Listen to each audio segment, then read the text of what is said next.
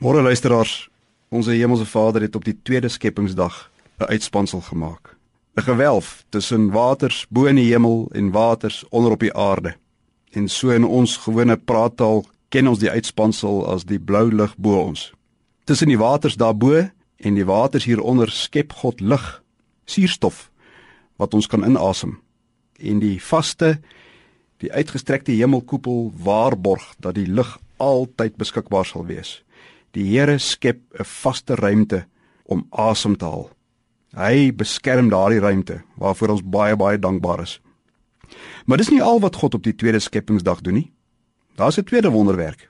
Waters bo in die lug word geskei en dit word weggekeer van waters onder op die aarde. Dit beteken nie dat daar hoegenaamd geen water van bo af op die aarde kan val nie. Want dit sou mos nou fataal wees vir die voortbestaan van die lewe op die aarde. Daar's sluise in die uitspansel ingebou. Die Here kan daardie sluise van die hemel af oopmaak. En dan dou dit of dit reën. Hy kan dit toemaak. Dit word droog. Jong kinders praat soms so eenvoudig van die Here wat die krane oopdraai die oomblik as dit reën.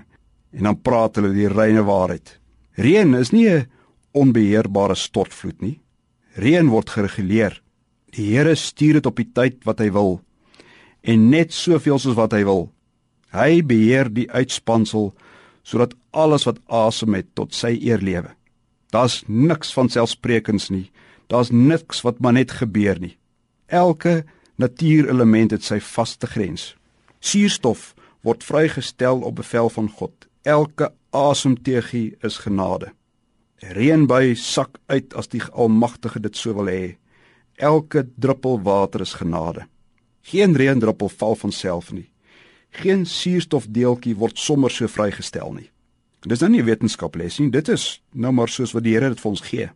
En dit is so belangrik dat ons hierdie basiese dinge oorweeg en daarin vashou.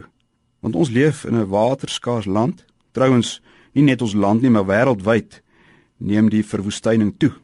Dus ons moet baie baie mooi werk met die bronne wat God tot ons beskikking stel. Op party plekke in ons land is dit droog. So droog dat water aangery moet word ander plekke spoel letterlik weg. En nou kom ons agter, die Here hou ons op die knieë. Kort kort kyk mense na die wolke.